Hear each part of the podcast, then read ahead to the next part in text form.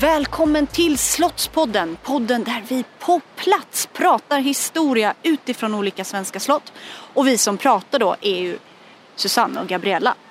Ja, och vi har tagit oss till Närke, till Örebro och står nu utanför Örebro slott. Och det är inte vi som är experterna den här gången. Nej, vanligtvis så är det ju vi som pratar med varandra. Men idag så kommer vi träffa Simon som är en riktig expert på både slottet men också några av huvudpersonerna som har med slottet att göra. Så nu ska vi in och träffa Simon. Mycket nöje! Mycket nöje. Vi befinner oss på Örebro slott och väntar på Simon. Välkommen in! Tack så mycket. Eller vad ska man säga? Nej, men vi börjar med, med, med det här. Vi är i Örebro slott. Och eh, anledningen till att vi är här är ju för att det är eh, Bernadotte-år i år. Det är 200 år sedan Karl XIV Johan blev kung av Sverige. Ja, precis. Ja. Och han har ju lite kopplingar till själva slottet. Så jag tänkte, vi går igenom lite vem eh, han var och hur han kom att bli svensk kung. Ja, I och vi har taget. ju också en, en målning av honom precis framför oss. Precis. Så det är därför vi sitter här. Och vilken sal sitter vi i nu då, Simon? Vi sitter i rikssalen. Så det här är alltså en ombyggd sal som tillsammans med resten av slottet, när det byggdes om till i slutet av 1500-talet, början av 1600-talet, fick en form av en rikssal för att, ja, det var ja, kung Karl IX som verkligen ville ha en sal för riksdagar och inte festligheter och annat tjafs. Och det är också därför vi har olika kungligheter runt omkring oss. Ja, precis. Det är väldigt högtidligt. Sen nu i dagsläget så är det primärt festligheter och annat tjafs här. Men till ja. en annan hård farbror då. Ehm. Karl Johan, han, han är inte... Han är jätteintressant men han är också ganska trist på många sätt. Och du har ju gestaltat Karl Johan så därför Ja. tyckte vi det var lite extra roligt att prata Karl Johan med dig. Vi är i Örebro och 1810 så väljs han till kronprins blir det ju. Ja. Inte kung, för det fanns ju en kung. Ja, det fanns en kung just då. Eh, Det var ju väl temporärt får man säga. Så, det var ju Karl den trettonde, så den tidigare kungens farbror. Så, det bästa till hands. Det har ju varit lagstadgat att liksom, det ska vara i familjen som, kunga, som kronan ska gå och det ska vara närmast i tur. Liksom. Så de gjorde en militärkupp, avsatte Gustav den fjärde, Adolf, och eh, inga av hans barn fick bli kungar heller. Och då var det då Karl trettonde närmast. Precis, och man skulle ha ett val av ny tronföljare. Ja, och det hade att göra med att Karl XIII och hans fru eh, Charlotta, de hade liksom försökt ganska länge att få barn. eh, Och de hade inte fått några barn. Så att de behövde helt enkelt välja en arvinge rent så här, för att annars hade ätten tagit slut. Och det var ju ganska bra argument för att faktiskt äntligen få ta och välja en tronföljare igen. Som man inte hade kunnat få välja sedan Gustav Vasas dagar. När Gustav gjorde sin kupp och bara nej, nu ska det vara rasrätten. Ja. Så. Men man går inte för republik, utan man vill hålla kvar i monarkin. Ja, precis. Och jag tror att väldigt mycket stor del av det, orsaken till den här avsättningen av den tidigare kungen var ju att man förlorade ett krig, eller man skyllde den förlusten på det kriget eh, mot Ryssland då, eh, på just Gustav fjärde Adolf. Och eh, i och med det så avsatte man honom så markerade det slutet på stormaktstiden. Och då var man ju liksom van, man hade den här mentaliteten att Sverige är en stormakt, Sverige är liksom starka, viktiga, mäktiga. Det är ungefär som om USA skulle ta och bli liksom militärt kastrerade nu och så bara, men vi, vi är ju våra nationalanda, hjälp, vad, vad är sant längre? Liksom. Så att då vill man ha någon, någon stark ledare som kunde föra, makt, eller som föra Sverige till framgång och storhet igen. Liksom. Make Sweden great again. Ja. Ja, ja, Men, men i ärlighetens namn så var det ju så att man hade redan valt en tronföljare och eh, Karl XIII hade ju redan en ny son så att säga. Och han hade dött. Mm. Japp, det var en dansk prins som hette Karl August. Ja, Karl August. Eh, som, som hade gått och dött. Och då blev det lite så här kaossituation. Ja, det var tumultigt. Eh, mm, och man behövde eh, kalla in en helt ny riksdag. De Mm. här fyra ständerna som man så ofta hör talas om. Adel, präster, borgare, bönder skulle Mm. välja en ny tronarvinge. Ja, jag vet inte om det är kul att nämna, men fun fact. Det är alltså riksdagen eh, 1617, när man faktiskt antog den riksdagsordningen, var i det här rummet. Ja, titta! Så, och där man faktiskt bestämde att det skulle vara de här fyra ständerna som skulle ha närvarande representanter. Ja. Så bara Wow. bonustrivia. Ja, men det var ju lite kul. Varför Örebro har man ju pratat om. Eh, Jag läste i häromdagen Herman Lindqvist hade skrivit om när man beskrev hur varför man valde Örebro måste det varit någon så här infödd patriotisk örebroare som har skrivit det. För man beskriver stan som så här, bra skydd och fantastiska vackra byggnader och storslaget. Medan Herman Lindqvist då menar på att ja, det var 300 hus, de flesta var byggda av trä med gräs på taket. Nu vet vi ju Herman Lindqvist det, men samtidigt så det, det är ändå ganska kul. Ja. Jag är nog lite mer åt. Herman-hållet faktiskt. Eh, alltså, jag tror verkligen att väldigt mycket hade att göra med att man var ju, det var ju tumultet var ju när den här kronprinsen Karl August hade dött. Eh, då hade man ju begravningståg för honom i Stockholm och då där på det tåget så blev ju, misstänktes då rikskanslern Axel von Fersen. Eh, så att han blev avsliten sin, från sin häst och blev brutalt ihjälslagen, lynchad av en folkmobb. Det ledde ju till att adeln vågade liksom inte gå ut. Alltså det var ju bara, eh, hjälp, vi är inte trygga på våra gator här i Stockholm. Och sen så behövde man ändå samla ihop sig själva och, och gå ut uppenbarligen då, eh, för att ta välja en ny tronföljare. Och då var det väldigt rimligt och vettigt att ta och välja en stad som var väldigt liten. Och ha- alltså, det fanns inte tillräckligt mycket människor för att göra ett sånt stort upplopp i princip. Men sen finns det ju också hela den här diplomatiska biten. Sverige hade varit i krig, man var rädd för eh, utanför påtryckningar. Man hade gjort sig så här halvovän med Napoleon genom att stå på engelsmännens sida. Och om man väljer en då liten, vad ska vi kalla det för, en liten, liten stad eller en liten håla. Eh, då är det inte samma risk att det kommer några utländska diplomater och försöker påverka det här valet heller. Tydligen fanns det en lag på den här tiden som också sa att en utländsk diplomat fick inte vara eh, si och så långt ifrån en stad där en riksdag pågick. Men när man var i Stockholm kunde man inte följa det. För det är som att man skulle säga det om diplomater idag i Stockholm. Ja, en ambassadör får inte vara inom en mil från där riksdagen pågår. Alla ambassadörer bor ju i Stockholm. En fördel med Örebro som jag förstår det är också att det ligger mer eller mindre mitt i landet. Så ska en utländsk armé komma och försöka påverka en riksdag eller avsätta eller tillsätta en kung. Då måste de liksom landa, eh, landa, eh, de måste Landstiga, landstiga vid vatten och knalla väldigt långt. Ja, Eh, Så att Örebro är lite tryggt på det sättet också. Så. Så hit kommer de då, adel, präster, borgare, bönder från hela landet mer eller mindre. Och de tar in i alla de här små husen och grejer runt här. Eh, och vad jag lärde mig var, som jag tyckte var jättespännande var också att man införde massa regler under den här riksdagen. Som du säkert också känner till. De här, någonting. Mm. Ja, men alltså, man fick, staden skulle snyggas till inför alla de här adelsmännen. Så man, skulle liksom, man städade stan, man tog bort alla gödselhögar. Man, man sa åt alla att ni får inte ha ut era grisar på gatorna, ni får inte ut alla djur på gatorna. Man, fick, man fick tilldelat så här mycket ska du städa varje dag. Och något som faktiskt var lite gulligt, att alla örebroare skulle sätta en lykta utanför sitt hus eller i sitt fönster varje kväll fram till 11 på kvällen. För att det skulle vara ljus, gatlyktor. Det var ju, fanns ju inga gatlyktor på den tiden. Ja, men eh, jag har också hört lite om de här eh, som, reglerna som så. Och det, det var väl ganska rimligt. Eh, Alltså, sen, det är väldigt fin detalj det här med just, alltså, djuren. För att alltså, Örebro i början av 1800-talet, det gick ju fortfarande runt massa boskap i staden. Liksom. Så det var ju rätt skitigt. och det var ju typ med lite mer träsk än vad det är idag. Ja, så det är också lite kul. Och sen att alla de här tillresta hade massa fester. Eh, både prästerna och borgarna och bönderna och alla hade olika fester. Framförallt prästerna tydligen. Eh, Söp jättemycket. Men om du då ska ta dig från en fest hem på kvällen och det är kolsvart och vi lever i en tid där det inte finns gatlyktor. Då är det ganska bra att man har tvingat alla invånarna att hänga en lykta utanför dörren på kvällen. Liksom. Men det är lite solidariskt. Ja. Men däremot var det utgångsförbud för örebroarna. De fick inte gå ut hur Nej, mycket så de ville. förstås. så det var de tillresta som fick röra sig så mycket de ville. Men jag tror att utgångsförbud efter nio i alla fall för örebroare. Jag har hört någonting, någonting om prostitution, så bara så här, ställa undan de prostitu- pro- prostituerade, tror jag. Så att det, det inte syns, har jag för mig. Att jag har Det hört låter ju rimligt. Att tänker det också liksom. Så om man nu har tvingat folk att eh, ta undan grisar Mm. och eh, hänga ut lyktor, då ska inte de prostituerade synas heller. Nej men precis, liksom, då ska det vara en väldigt städad ordnad stad. Men Karl Johan då, varför, det, historien om hur han blev en av de här kandidaterna, för man kan ju säga att det fanns fyra kandidater, det fanns väl fler, men i det här eh, valet som de här riksdagsmännen de skulle rösta helt enkelt Ja. om.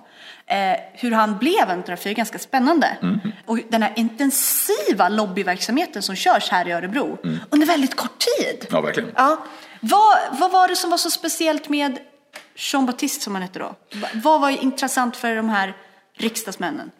Eh, ja, alltså han hade ju fantastiska militära meriter var väl egentligen en sån eh, sak som var mest eh, mest ball för dem tror jag. Bra CV. Ja, ja men jätte, jättebra CV. Alltså han var ju fältmarskalk, en av de tio fältmarskalkerna under Napoleon själv. Mm. Så att rent militärt så var han liksom en av de tio som var näst högst upp i hela militären i Mm. Frankrike. Och Frankrike hade ju vid den här tiden haft enorma militära framgångar. Men Napoleons meritokrati var det som enablade kan man säga, alltså gjorde det möjligt för Jean-Baptiste Bernadotte att faktiskt ta och klättra i rangerna som han kunde. För han hade ju inget militärt påbrå utan han kom ju från en liten stad i södra Frankrike som heter Pau. Och där var han son till advok- advokat. Heter det. Och eh, kastade sig in i militären för att vilja, han ville ha sin egen karriär. Och sen jobbade han sig uppåt och kom till sitt glastak. För att han, han var jätteduktig liksom så, men han var ju inte adel liksom. Nej. Och det var precis innan den franska revolutionen. Och sen så kom franska revolutionen och bara, ah, kolla glastak, nej inte längre, upp, upp, upp, upp, upp, uppåt. Liksom. Ehm, Så det var ju verkligen en framgångssaga som var extremt i tiden. Liksom. Och han hade då behövt vara extremt duktig för att klättra alla stegen upp. Och jag vet inte om adeln och, eller hela riksdagen för den delen eh, tyckte att eller tog hänsyn till det. Men jag, menar, jag hade tagit hänsyn till det idag. För det måste också varit en, alltså han hade ett helt annat perspektiv på liksom, många delar av samhället. Liksom. Även om det var det franska samhället, men ändå. Det han hade passat bra i den, här, den amerikanska drömmen. Ja. Alltså hade han inte fastnat i Sverige så hade han kanske blivit president i det nya landet. Kanske, det är verkligen, ja, men det, det är verkligen det. det fick också det Han går från ingenting till liksom Han, han var ju en Ja. karriärist på många sätt och Ja. letade tillfällen. Jo men visst. Och eh, som jag förstår det så just när det här erbjudandet kommer att bli så här kronprins i Sverige så var han i en fas i sin karriär där han letade efter något nytt och han inte riktigt visste vad han skulle göra. Och ehm, han hade ju dessutom kontakt med Sverige sedan innan. Ofta när man liksom hör den här berättelsen så är det som att han kommer från ingenstans. Men han hade ju träffat svenskar förut. Han hade ju haft svenska krigsfångar i de här, när han varit militär tidigare. Och tydligen är det också en anledning till varför han var lite populär. För att folk hade varit fångar under honom och han hade alltid behandlat krigsfångar väl. Han hade alltid varit så här väldigt noggrann och, och liksom följt reglerna. Men han hade liksom aldrig eh, vanvårdat någon. Han, och det gjorde att svenskar som hade träffat honom när de var hans fånge hade ändå respekt för honom. Och en av hans fångar var en som hette Mörner. Ah, okej. Som sen var släkt till den här unga killen Mörner Ah, som faktiskt Ah. åkte ner och bara Du, jag har en idé. Här, Jag har en idé att du kan bli kung. Men det, Sverige. det låter ju... Så här, jag har hört så många olika varianter här så jag är inte alls säker på vad som är sant. Men det, det hade ju varit ballt om, om det var sant. Jag, det låter ju rimligt. Så. Eh, Jag har också hört en variant att eh, Carl Otto Mörner var och knackade på hos massa olika fältmarskalker och bara kollade runt liksom, eh, hej vill du bli kronprins i Sverige och sedan kung? Som, Till flera stycken och Bernadotte kanske var typ så här, tredje personen och ändå, typ den enda som sa ja. Liksom. Eh, eller den första som sa ja. Eh, så det är en version.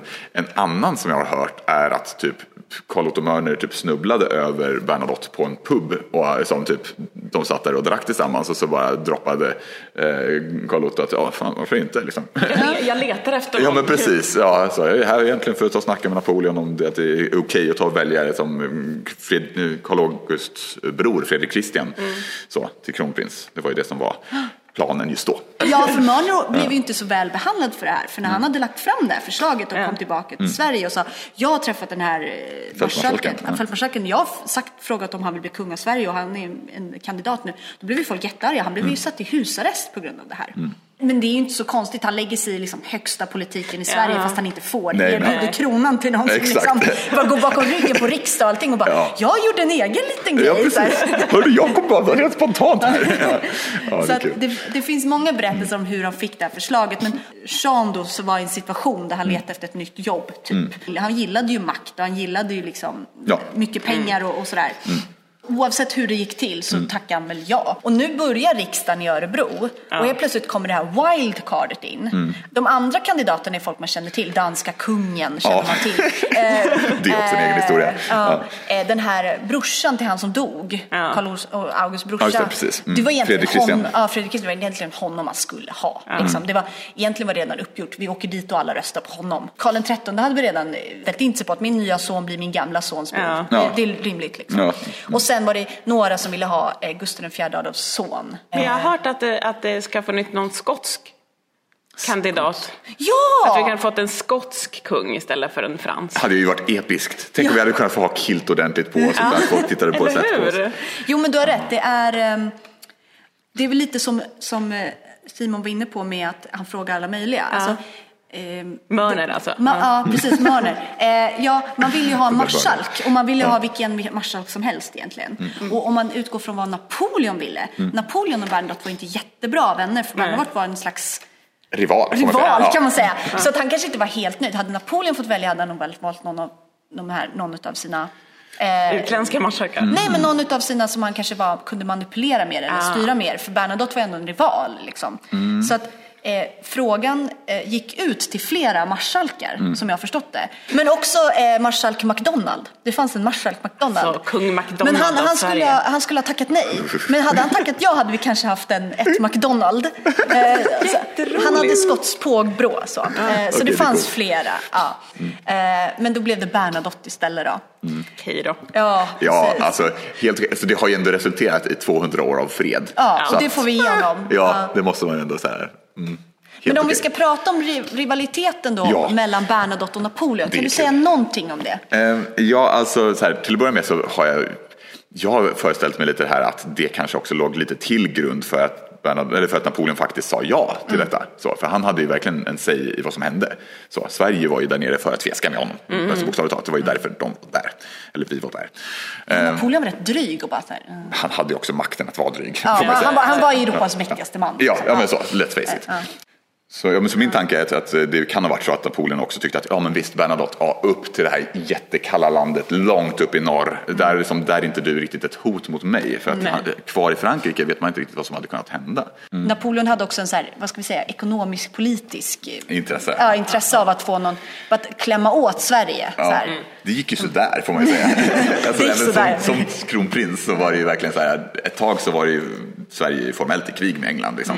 Mm. Eh, och då är ju verkligen formellt är ju nyckelord för att det var ingen som dog i kriget. Det, det var ju verkligen bara för att stänga ner handeln och sen så var det så här, ja men han handlar inte det är ingen fara. Och sen när Napoleon kom på på det så bara, och så bara ja självklart, vi, vi, vi stänger av handeln här också. Och så, så bara jättestor smuggelverksamhet.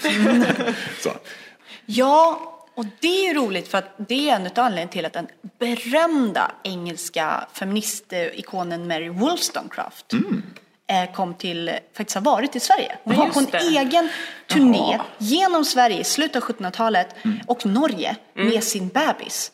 Hon var så här nylämnad ensamstående mamma i så här, revolutionens Frankrike och hade blivit kär i en amerikan som höll på med just den där smuggelverksamheten mellan Sverige, Norge och England. eh, och han hade tappat bort någon stor silverskatt eller någonting vid typ Norges kust. Just. Eh, och för att hon, han hade gjort henne med barn, hon hade fött barnet men han ville inte gifta sig med henne. Men sen hade han på något sätt eh, slagit i henne att men om du typ hittar min silverskatt eller så här, så kanske vi, när du kommer tillbaka har vi en fortune och så kan vi gifta oss typ. Och hon gick på, eller hon liksom i sin... Vilken fantastisk historia. Ja men det är en fantastisk historia. Men det, det är också så här, det är en konsekvens av den här handeln mellan, Ja. mellan Sverige, Norge och Eng- England. Ja. Eh, Att Mary Wollstonecraft faktiskt var i Sverige under sent 1700-tal och åkte runt och hon skrev en bok om sina berättelser, de här jättehemska, äckliga människorna hon Ja, berättade. Eh, att hur, hur bakåt allting var, men kaffet var bra. Ja. Det är så himla roligt att hon bara säger alla här är galna. Folk, kaffe. folk, de är bakåt, folk är fula, de kan ingenting, men kaffet är bra. Men då var hon typ överens med Desiree. Desiree tog ju och, och alltså hon var ju inte drottning i Sverige i Sverige så mycket. alltså hon åkte ju tillbaka till Frankrike ner också och bara så här, nej, screw this, flippade bordet. Bara, maten suger, människorna kan inte uppföra sig ordentligt och vädret. Vem bestämde att det skulle vara regn och snö hela tiden? Så nere i Frankrike liksom. Eh, så. Men jag, alltså den här Mary Wollstonecraft-grejen låter ju fantastisk. Det är, och det är helt sant. Så det här är en spännande tid i Europas historia. Det är en jättefin parentes, det är fantastiskt. Det är fantastiskt. Och den är liksom, och, och Sverige är eh, mer med än vad vi kanske tror, framförallt handelspolitiskt. Ja, visst. Eh, och Örebro är också viktigare än vad man kanske tror apropå uh, saker. Nej, men Det är lite Eh, händelsernas centrum. Det är här man kommer när det är stora saker på gång. Ja, och när då riksdagsmännen kommer hit till Örebro och de håller på, inte i en vecka, utan jag tror de höll på mellan juli och september eller någonting. Alltså den här riksdagen tog var ett lång tid i alla fall. Och de är mer eller mindre eniga över att vi väljer den danske prinsen. De här andra kandidaterna är ju intressanta men nej. Bernadotte var ju inte på plats själv utan han skickade ju en, en, en, ett sändebud som hette Fournier. Just det. Och eh, han tog kontakt med den svenska utrikesministern. Och von Engström var först där, ja, verkligen från Frankrike. Och sen så blev han liksom övertygad. Och sen bedrev han en väldigt stor del av den här lobbyverksamheten. Men det fanns ju två parametrar som ändå är mm. ganska kul i den här lobbyverksamheten. Mm. Det handlade ju inte bara om att de gick på fester och bara, mm. ah, jag känner en kille, han är jättebra, han är lång och, och kan slåss. Och vi, mm. så här.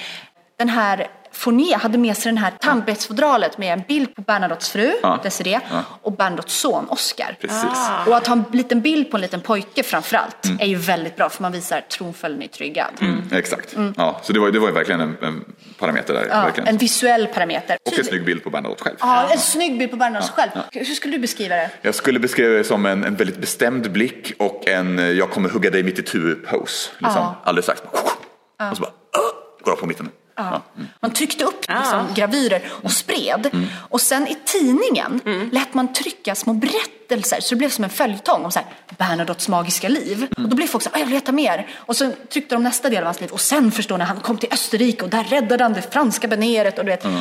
Folk blev nyfikna, ville veta mer. Ja. Men den där bilden du pratade om var ju verkligen avgörande. Verkligen. Men det, det, var ju väldigt spännande också. Jag har framförallt hört det bland bönderna. Jag vet inte om det bara var liksom bonde som delen av riksdagen eller om det var bönderna också lokalt här i Örebro. Mm. Då var det liksom två stora fraktioner. En fraktion ville då ha fursten av Pontecorvo. De tyckte att det, han verkade vara den bästa ledaren. Liksom. Mm. Och, och det var Jean Baptiste? Det var egentligen Jean Baptiste. Ja. Den andra falangen ville ha general Bernadotte och det var ju definitivt Jean Baptiste. Och de, och det, alltså, de, de bråkade, alltså, det blev, de, de slogs. Ni bråkar om samma person? Ja, det var någon som till slut bara bryt, vad håller ni på med? Liksom, när någon hade liksom fått flera brådsidor redan. Ja. Så bara, det är samma person och de bara Okej, okay. men då är vi överens då. men, det, men så att långsamt så börjar liksom opinionen vända mm. och man, man, man börjar närma sig den här omröstningsdagen. Mm. Och då finns det några krux kvar. Det ena är ju att han är utlänning. Ja. Han pratar inte svenska. Ja, och han är katolik. Och det var ju liksom inte en liten sak på den här tiden. Det var en stor sak. Mm. Då var folk ändå så här, fast det blir inget bra. Mm. Liksom. Mm. Men då gör Fournier någon slags slutinsats. Han kommer in, gör, ligger liksom sista budet och bara drar till med så mycket han kan. Alltså Jean Baptiste själv visste inte vad det var som hans sändebud bara gick in och lovade i sista stund. Han kommer lära sig svenska, inget problem. Han lovade att, han, här, min första då, första protokoll, mm. han är så rik, han var väldigt rik. Ja. Han kommer betala svenska statsskulden. Men det, det, det, han lovade i Sverige 8 miljoner franc. Ja, och det sista han sa var att han byter religion, det är inga problem. Och hans, hans mamma och hans mammas släkt och hans mammas mammas mammas, alla var protestanter egentligen. Tydligen så bekräftade Jean Baptiste sen, själv sen också. Han bara så här, ja, ja, ja, på min mors sida har vi varit protestanter i alla tider. Det var intressant. Så Fournier går in och bara, här, så här, sista budet. Ja, precis. Och köper ni nu? 8 miljoner franc. Han lär sig svenska flytande, blir jättebra. Eh, och han blir protestant. Och de bara, ja. Och sen kommer ju omröstningen. Ja. Och han vinner. Ja. Ganska så här, folk, de det var ju i princip enhälligt. Så han får beskedet då, eh, Jean, och lämnar Frankrike ganska fort. Och han kommer hit och han blir eh, kronprins, han blir adopterad. Ja, alltså han bytte ju helt land. Han hade ju liksom inga som han kände här. Eller några som han kände till, typ. Ja. Och folk som ville ha honom som kung. Liksom, ja. så. Kanske tog med sig lite hovfolk. Men så här, han behövde ju kontakter och han behövde mm. ju vänner som också var kompetenta för att kunna regera och för, också för att bara kunna umgås. Liksom. Så att, eh, det glömmer man lätt bort. Att han, man kan tänka att han var, okay, men han var härförare, han var kung, liksom, men han var ju också en person. Mm. Mm. Men nu sa du att han var också en person. Jag tänkte, ska vi gå in på personen mm. Karl Johan? För han är lite klurig. Mm. Men ska vi ta något så här, lite sant och falskt om mm. Karl Johan? Mm. mm. Men den första är så här, men hade han tatueringar? Eller hade han en tatuering? Alltså det finns en myt om honom och den tror jag det uppkom liksom efter han blev kung. En av de myterna som skapades av Jean Baptiste. Ibland tänker jag att det var av elakhet. För man tyckte att han var liksom, han hade inte rätt till tronen riktigt. Var att han, när han var jakobin som ung i Frankrike ska han ha låtit tatuera in eh, död åt kungen på sin kropp. Det känns som ett dåligt... Det känns lite för ostrategiskt för att vara Bernadotte. Sen finns det ju en annan grej som har levt kvar egentligen till våra dagar. Och det mm. här är frågan är om man bara åt ägg.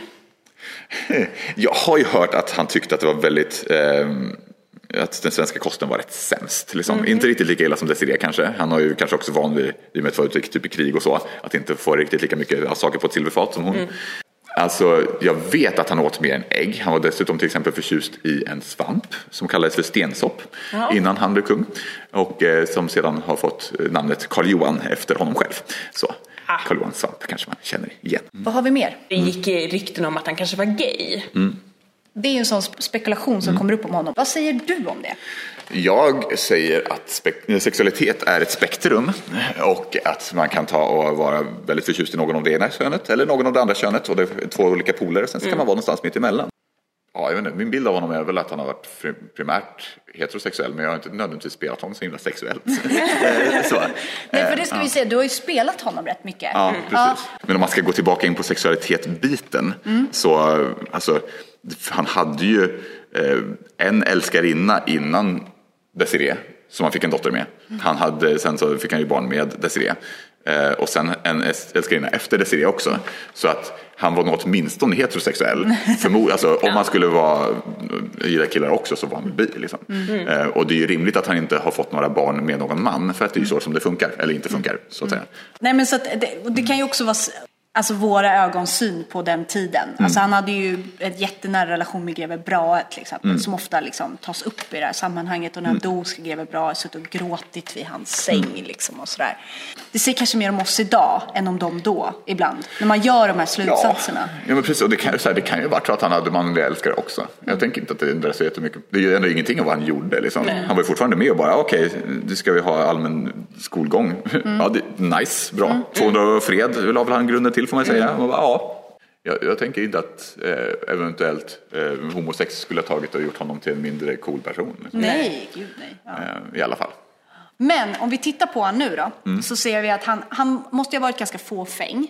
Ja, det, var, det, det, Alltså, det kan jag om inte det är något som man ändå kan tänka sig, men som ändå finns visst belägg för var att han var visst fåfäng. Mm. Han är alltid jättenoga med liksom, hur han ser ut. Eh, hans hår kommer ju att bli någon slags trendsättande frisyr. Mm, Det lockiga. Eh, det lockiga, det svarta. Eh, alla pratar om hans svarta, liksom, hans svarta hår och hans Mm. svarta ögon. Och det är väldigt kul med just den här bilden också. För att han är gråhårig på den. Ja, precis. Det- Ja, men- ja, men, ja, men jag brukar göra en grej av det för att jag tror att om Bernadotte hade levt så hade han också gjort en grej av det. Att bara så här, okej jag beställde den här tavlan och så bara, åh, nej. Varför blev det grått hår? För den här är målad i Frankrike och han var aldrig någonsin eh, modell till tavlan. Eh, Det var nämligen så att han var typ 80 när den skulle målas. Och det syns ju inte riktigt på den. Förutom att han hade grått hår. Ja, precis. Och det är ju konstnärlig frihet som den här konstnären har lagt till. Eh, Så han var ju 80, han var uppe i, Sverige och var mitt upp, uppe i det som man brukar kalla för sängkammarregementet. Ja. Ja, innebar då att han tog och ville, eh, han tyckte det var så kallt i Sverige att han valde oftast att ta spendera majoriteten av sin tid i det varmaste rummet i slottet, vilket var hans sängkammare. Oftast då i sin säng med sängkläder, eller vad ska man säga, pyjamas och nattluva Men det på. finns ju en fantastisk målning, bilder på där, där liksom han, kungen sitter i sängen med papper Mm. Ja. och sen är det en kakelugn på vardera sida om sängen. Ja, jag tror han tog in folk på rummet och, bara, och eh, hade liksom så här möten där och bara okej nu ska vi se, ja, men hur går det med försvarsbudgeten? Ja men så här, okej, får väl delegera i allra högsta grad. Men så att han, han, han var ju mån om sitt utseende. Ja. Han, han åt ju inte så mycket på förmiddagar och runt lunch. Och sen när han blev tunnhårig, det kan man gå och titta på, så lät han ju göra en peruk. Med grått hår då som skulle matcha hans, det så lilla som var kvar. Jag gissar på sidorna. Aha. Ja men en tupé, Det här, det här går helt emot vad jag har hört, men fortsätt. Ja, Ja. ja. Och sen att han hade, alltså han hade ganska mycket hår kvar här. Så det lät han locka för att det blev lite sidorna. tunt. Alltså, eh, På Livrustkammaren så kan man titta på papiljotter kvar från hans, eh, som var hans. Eh, och den här tupén finns kvar. Sen vet jag liksom inte, han kanske lät tillverka den så vet vi inte hur mycket den liksom Användes. Men, men det är ändå lite kul att han var mån om sitt utseende och också fick så mycket uppmärksamhet för det. Och att alla målningar på honom alltid är i samma vinkel. Det är lite halv, det är inte hel profil men det är lite så här från sidan. Alltid halvprofil. Alltid. Han visste så här, det här är min bra sida. Vad säger du om hans eh, fåfänga? Eller hans Ja, utseende? nej, för, för det som jag skulle mynna ut med historien var ju också att eh, det som jag hade hört är att han- som, han skulle förmodligen ha varit missnöjd med, med håret på bilden här i och med att han ska ha tagit och som sagt som jag har hört eh, tagit och färgat håret svart in i det sista. Ja men det gjorde han säkert Ja. eh, också. Eh, och, och bara så här eh, för att han aldrig liksom skulle kännas vid det gråa håret. Så åtminstone det hade han i sin fåfängeväg. Liksom. Så. Eh, har ni hört om när han kom till Örebro för första gången och skulle Nej. hålla tal? Berätta om Berätta, det här. Kom berätta. till Örebro och skulle hålla tal. Ja, han hade ju fått höra om det som jag pratade om tidigare med liksom, ehm, att bönder hade bråkat med varandra för att båda sidorna egentligen var intresserade, ville mest ha honom. Liksom, fast, ja, så, den, den grejen. Eh, och sen så vill han också befästa att han var en väldigt folklig kung. Alltså att han var verkligen, han kom ju från, han har varit med på liksom hela spektrat upp. Liksom. Så han ville prompt hålla ett tal då här i Örebro för att det var här han var vald. Specifikt för bönderna, så delvis kanske då för grund av den här konflikten de hade haft om honom. Eh, och han var ju då tvungen att göra det på svenska. För att bönderna här pratade verkligen inte franska.